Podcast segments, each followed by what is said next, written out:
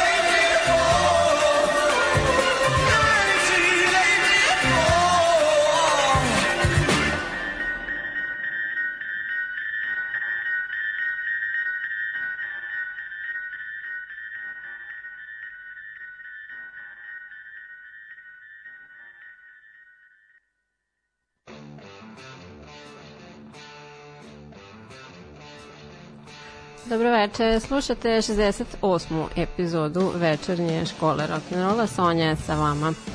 A večeras, šta, o čemu ću vam pričati? Ovako, a, malo teorije. Jedna um, od najmeznačajnijih odlika rock muzike se ogleda između ostalog u tome u njegove mogućnosti da nam slikovito ispripoveda neku priču.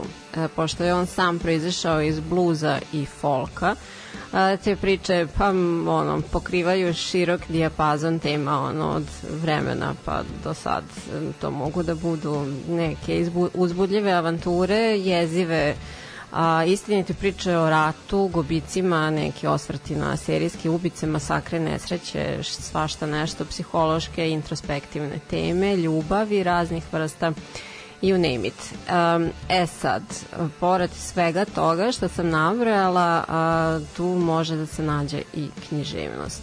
A, kako dela klasične, a tako i ona modernije književnosti. što se često pokazalo kao plodan izvor inspiracije za tekstopisce to mi je eto, palo na pamet o čemu bih mogla malo da vam pričam kada sam krenula da istražujem a, o tome koje su um, rock and roll pesme bazirane na književnim delima. Shvatila sam da se dobro deo heavy metal muzike zasniva na tome.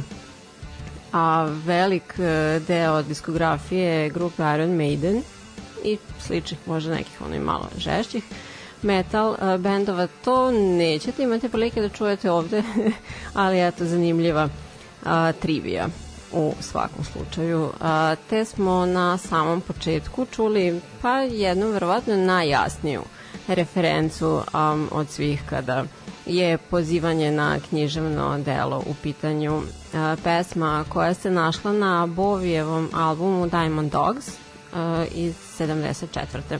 E sad ja sam već pominjala ranije u onoj epizodi koja je bila posvećena samo njemu, da je on imao ideju da napravi musical koji bi bio baziran na ovom romanu.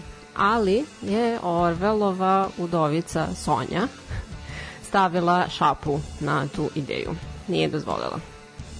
Um, e sad, tek sad sam malo čeprkala po tome zapravo um, Orvelovom privatnom životu i to sve, um, otkrila sam da nakon što je njegova prva gospođa umrla, uh, on je u tim nekim trenucima velike usamljenosti upoznao Sonju, koja mu se našla u poslednjim mesecima njegovog života, budući da je on samo tri meseca po venčanju uh, preminea od tuberkuloze. A, smatra se da je ona bila inspiracija za Juliju, heroinu romana 1984, ona divljeg duha i velikih očekivanja od života.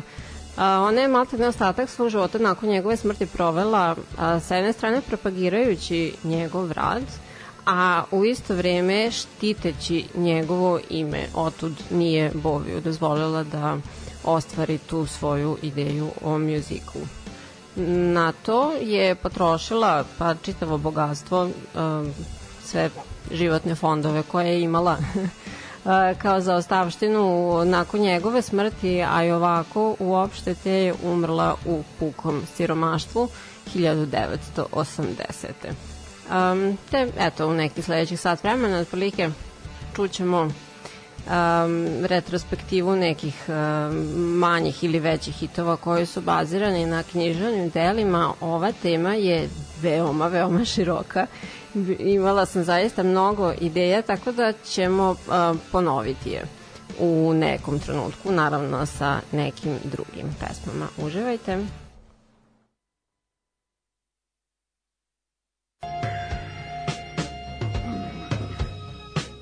Back cold, restless streets at night.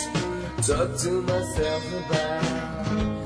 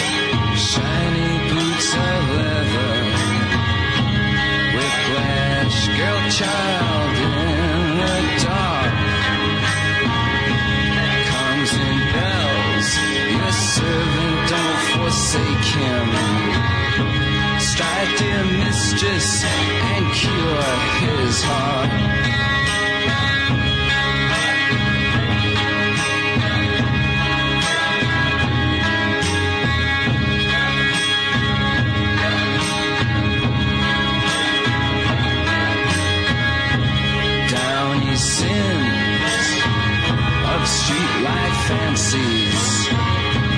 Chase the costumes she shall wear. Ermine furs adorn the imperious. Severin, Severin awaits you there.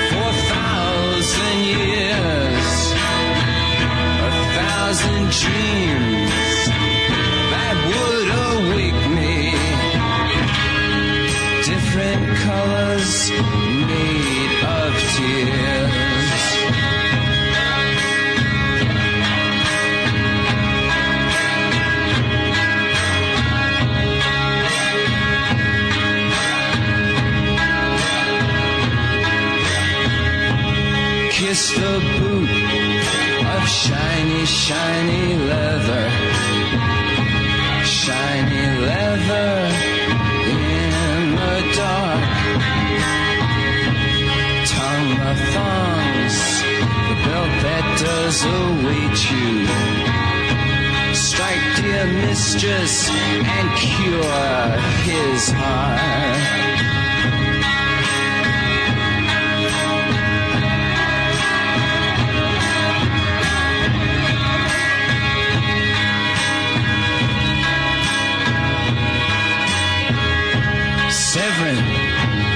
Severin, speak so slightly.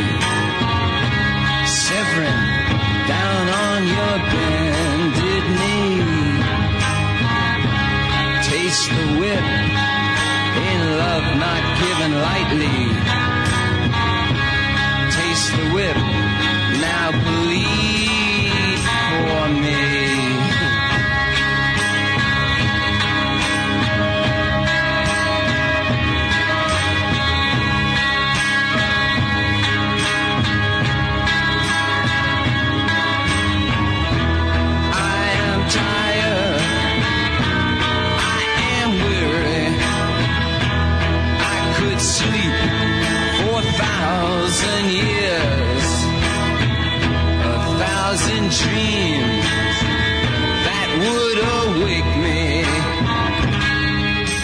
different colors made of tears.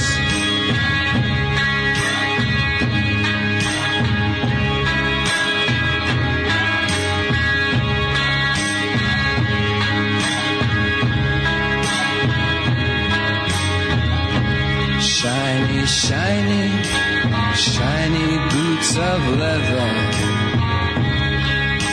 splash girl child in the dark. Severin, your servant, comes and bells. Please don't forsake him. Strike, dear mistress, and cure his heart.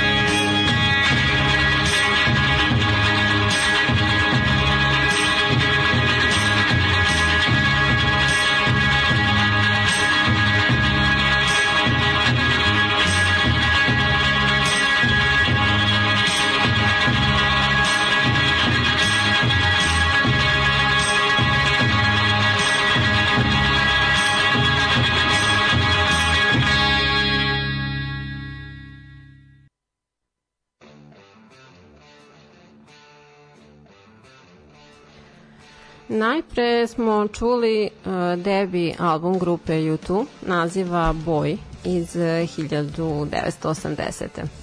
Pesma Shadows and Tall Trees nosi naziv po, po jednom poglavlju distopijskog romana uh, Gospodar muva Williama Goldinga. Na ovom albumu se nalazi numera The Ocean koja sadrže pak reference na uh, Wildovu sliku Doriana Greja. Ovaj album je najpre trebalo da producira um, takozvani Martin Zero, uh, producent koji je radio sa grupom Joy Division. Međutim, um, godina je bila 1980. kada je Ian Curtis sebi oduzeo život. I ovog je to toliko potreslo da neko vreme nije bio sposoban za rad. Oni su na jedu jade pronašli novog producenta kome se svideo Bonov glas i ništa više. Sve ostalo je rešio da radikalno promeni. Imao je kreativan i veoma eksperimentalan um, pristup. Na primer, tokom snimanja je zabranio da se gase fiksni telefoni u studiju, pa bi se desilo da i zvonjava istih bude um, uključena tokom, mislim na pesmama, tokom snimanja. Zatim lomili su staklene flaše, prislanjali esceg na vrteće točkove bicikla i drugo a, druge razne neobičajene stvari e, za koje je ono rekao da su bile dašak svežeg vazduha u grupi a Edge je rekao da Steve ima veštinu da izvuče ono najbolje iz svakog od njih. E, te im je producirao i sledeća dva ostvarenja takođe.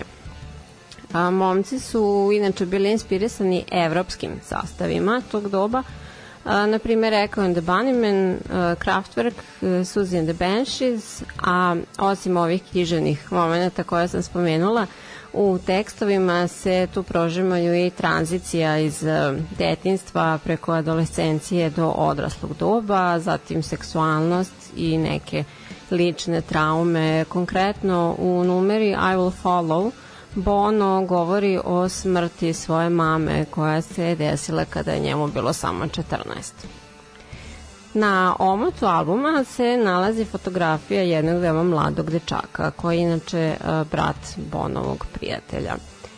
Sa tim što je za američko tržište to moralo da bude promenjeno, pošto su se odgovorna lica njihove izdavačke kuće plašila da bi tamo to moglo da bude shvaćeno kao pedofilija pa je s brda s dola napravljena neka zamena, dosta limitiranog budžeta, a istog takvog i kvaliteta. Um, ono što je još zanimljivo u vezi sa ovim albumom je njegova prihvaćenost kod uh, gej populacije u Sjedinim američkim državama.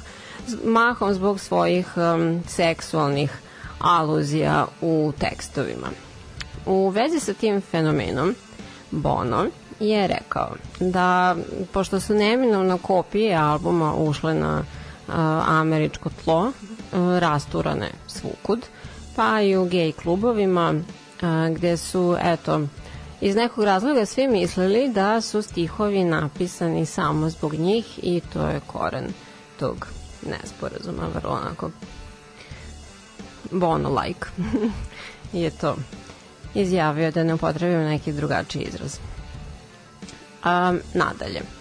Iako je bila spremna u vreme izlaska debi albuma grupe The Cure, uh, Killing an Arab se nije našla na njemu, već na sledećem albumu Boys Don't Cry. Robert Smith je rekao uh, da je ovom pesmom pokušao da sažme svoje impresije u vezi sa Kamijevim strancem što mu dođe. Dakle, pucnjava na plaži u kojoj jedan narapin gubi život od strane francuskog naratora kog smatraju outsiderom, to jest strancem, pošto odbija da laže i učestvuje u tom igrokazu kao što se od njega očekuje. E, tokom godina sad um, dizala se pomalo prašina oko ove pesme, pošto je u više navrata u zavisnosti od e, trenutnih aktuelnosti ona tumačena kao poziv na nasilje prema e, pripadnicima e, ovog kontinenta i države. Tokom 2000-ih na koncertima oni su iz tog razloga izvodili sa promenjenim stihom koji glasio Kissing an Arab. Zatim su u nekom momentu opet promenjali na Killing Another ili Killing an Ahab, da bi tokom turneje povodom 40. godišnjice grupe vratili ipak na originalne reči. I u vezi sa uh, poslednjim pesmom koje ste čuli u ovom bloku, termin mazohizam skovao je jedan austrijski psihijatar krajem 19. veka koji je u svojoj knjizi uh, naslova Psihopatija sexualis rekao sledeće, citiram – Osećam da je u redu da ovu seksualnu anomaliju nazovem mazohizam jer je autor Saher Mazoh često isticao ovu perverziju do tog momenta nepoznatu naučnom svetu na sve načine osim kroz njegove tekstove. Ovom prilikom pratim formaciju termina daltonizam po Johnu Daltonu koji ga je otkrio. Kraj citata, ali um, u suštini dalje u tom svom izlaganju. Um, on kaže da još um, je Mazoh kao čovek nije morao zapravo da ima posledice uživanja u toj svojoj seksualnoj perverziji, dok kao autor, književni autor jeste i da je njegovo mišljenje ovog psihijatra da je Mazohova literalna veličina dolazila do izražaja samo tamo gde je on svoje intimne preferencije kušio sa strane.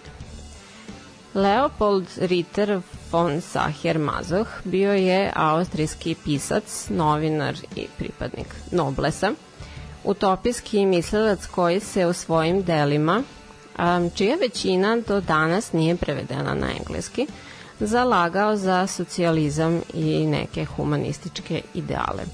On se naravno nije slagao sa mišljenjem ovog psihijatra u vezi sa sobom i svojim intimnim interesovanjima.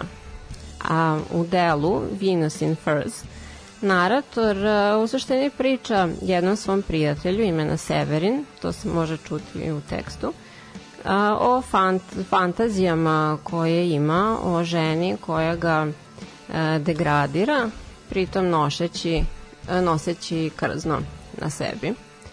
E sad onda njih dvojice smišljaju kako bi moglo da dođe do ostvarenja tih fantazija, pa tu bude nekih tragičnih obrta i slično.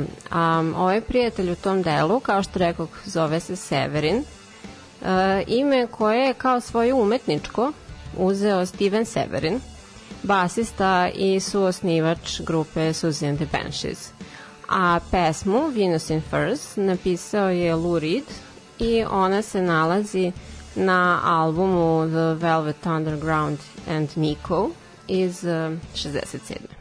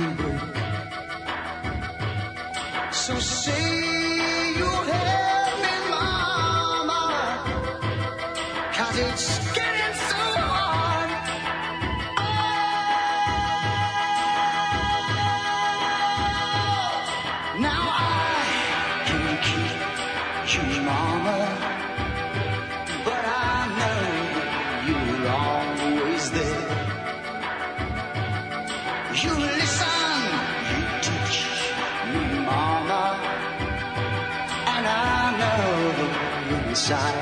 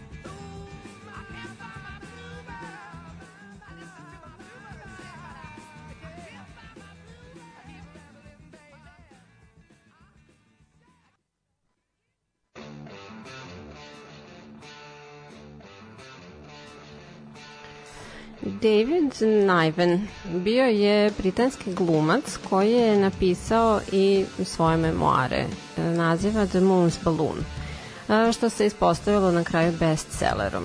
U pitanju je humoristična, ali u isto vrijeme i tragična priča, e, koja pokriva period naratora od ranog gubitka oca pa sve do kasnijeg života i životnih otkrića kako ga voditi ispunjenog i zanimljivog um, pošto je izuzetno detaljna, jedan fragment govori o tome kako mlad momak upoznaje 45-godišnju prostitutku sa kojom se provodi fantastično, ali u tom procesu zabave razvija i neke majčinske fiksacije prema njoj, e, ne razumeći zašto mu ona ta osjećanja ne uzvraća.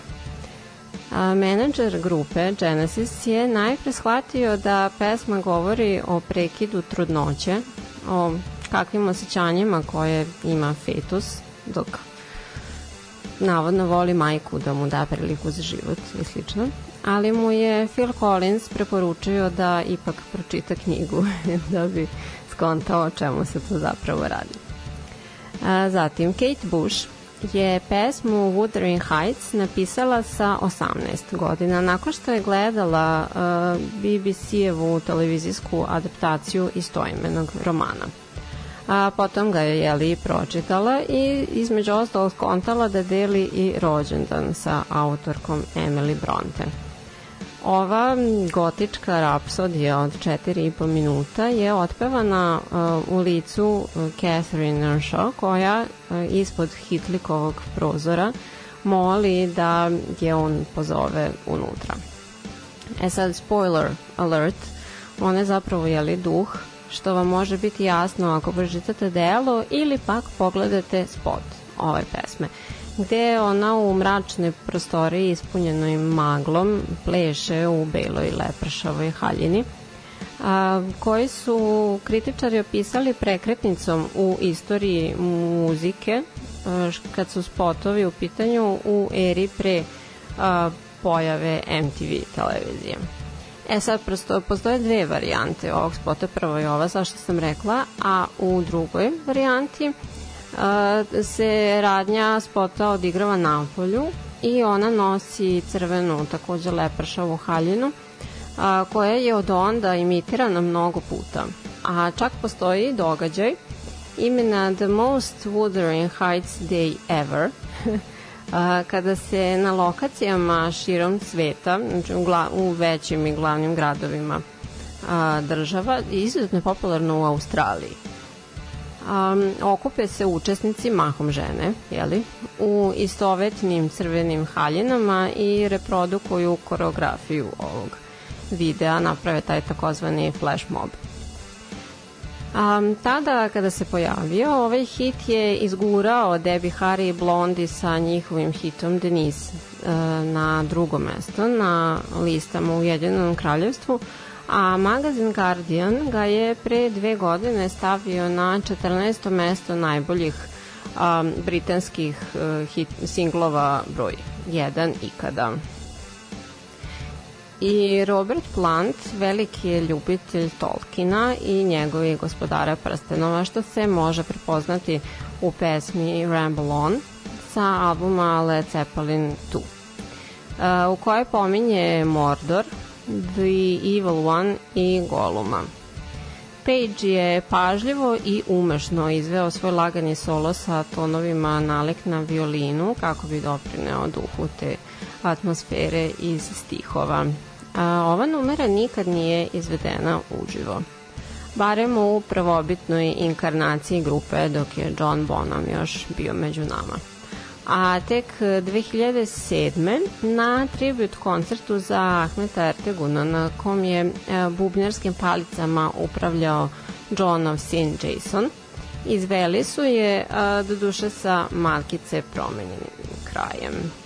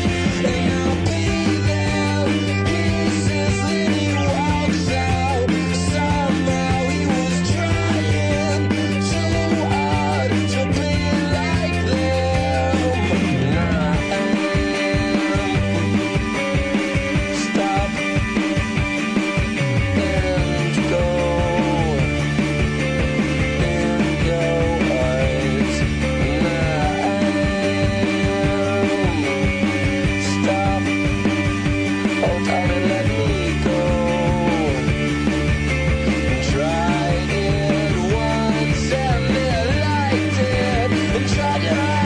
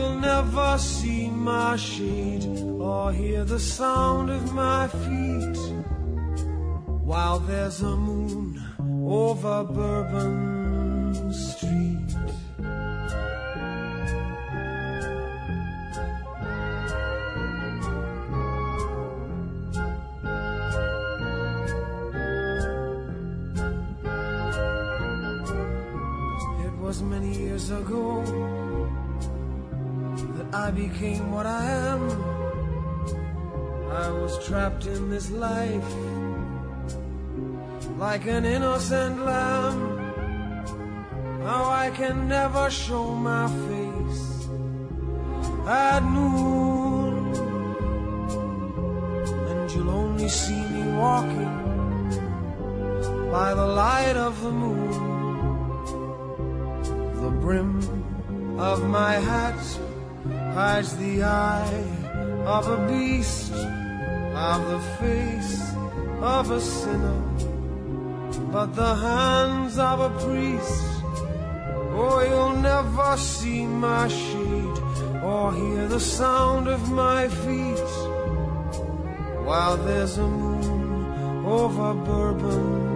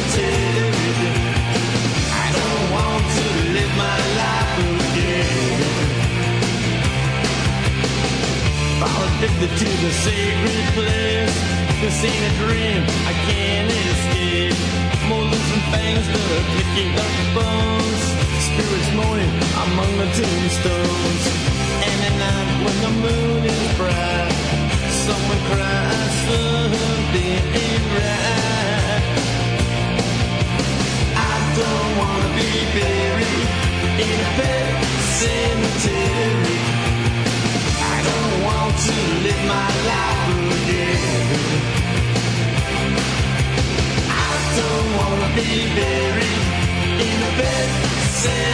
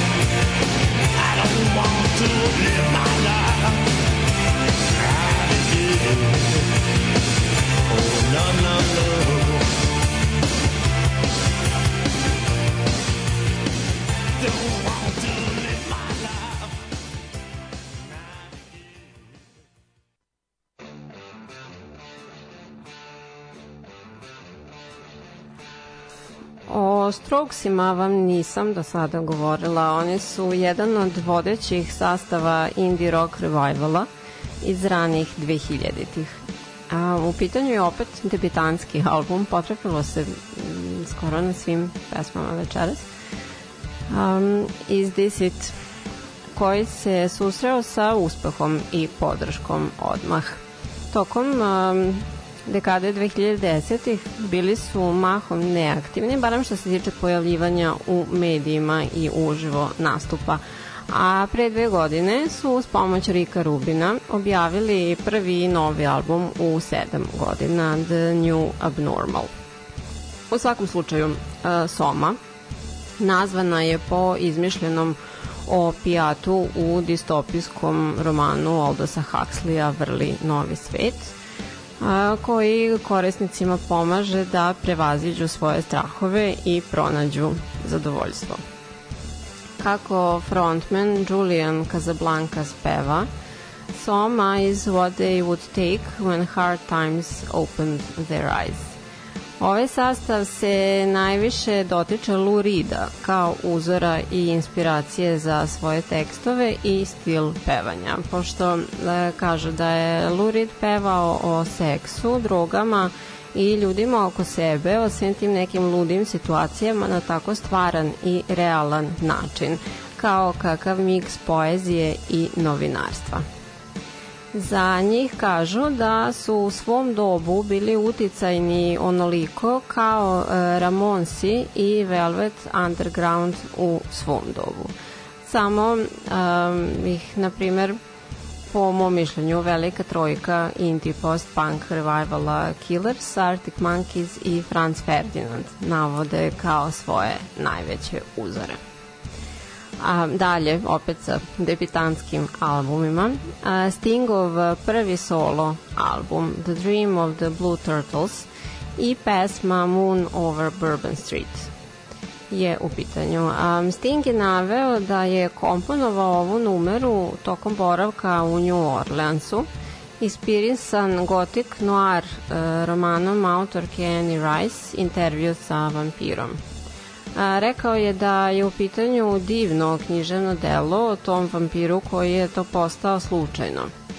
A, dakle, besmrtan i primoran da ubija ljude za hranu, a sa druge strane ostala mu je netaknuta čovečija savest koja mu nije dala mira. A, ta dualnost u njemu, dakle entiteta koji nema drugog izbora sem da čini zlo, a istovremeno želi da to prestane, je ono što je Stinga veoma zainteresovalo, ali je ipak dodao da je svemu doprinela i jedna istaknuta šetnja Franču, e, francuskom četvrti u New Orleansu kasno noću, tokom koje je imao osjećaj da nije bio sam, to jeste da ga je neko pratio ili već posmatrao. I na kraju smo čuli numeru sa albuma Brain Drain iz uh, 89. sastava The Ramones. Ona je napisana namenski za filmsku adaptaciju istoimenog filma, uh, istoimenog romana, pardon, Stephena Kinga i postala je jedan od najvećih radijskih hitova ove grupe i pečat njihovih koncerata tokom 90-ih. Um, Stephen King je veliki fan grupe Ramones i m, s namerom ih je pozvao u svoj dom kada su nekom prilikom svirali u blizini u Americi. A, tom prilikom je Didi Ramonu tutnuo primerak ovog ostvarenja. Ove se zatvorio u podrum da baci pogled i za oko sat vremena se vratio sa spremnim stihovima za ovu pesmu. Marki Ramon je rekao da su se Didi i Stephen King razumeli na nekom višem nivou, pošto su i jedan od drugi e, prodirali u radoznalost, nesigurnost i strahove ljudi koje oni sami nisu mogli da pretoče u reče. A, spot za ovu pesmu je takođe dosta upečatljiv i značajan. On je snimljen na a, Sleepy Hollow groblju u Njujorku na dosta zanimljiv način, a u njemu se pojavljuju i Debbie Harry i Chris Stein iz sastava Blondie, kao i članovi grupe Dead Boys. A, ovo je takođe poslednji spot u kom je Didi Ramon prisutan, pošto je on ubrzo napustio grupu i CJ Ramon došao na njegovo mesto. Ovim završavam a, večerašnje druženje. Kao što sam rekla, ima tu tušta i tma pesama koje bih mogla a, da uokvirim ovom temom, tako da ćemo to ponoviti u nekom momentu svakako. Hvala vam na slušanju. Sledećeg utorka časkamo ponovo, pratite me na Facebooku i podržite me na Patreonu. Ćao!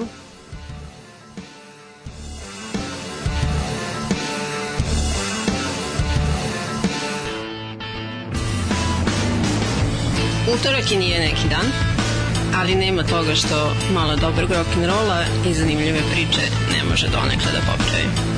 Večernja škola na radio Daška Mlađa utorkom u 8.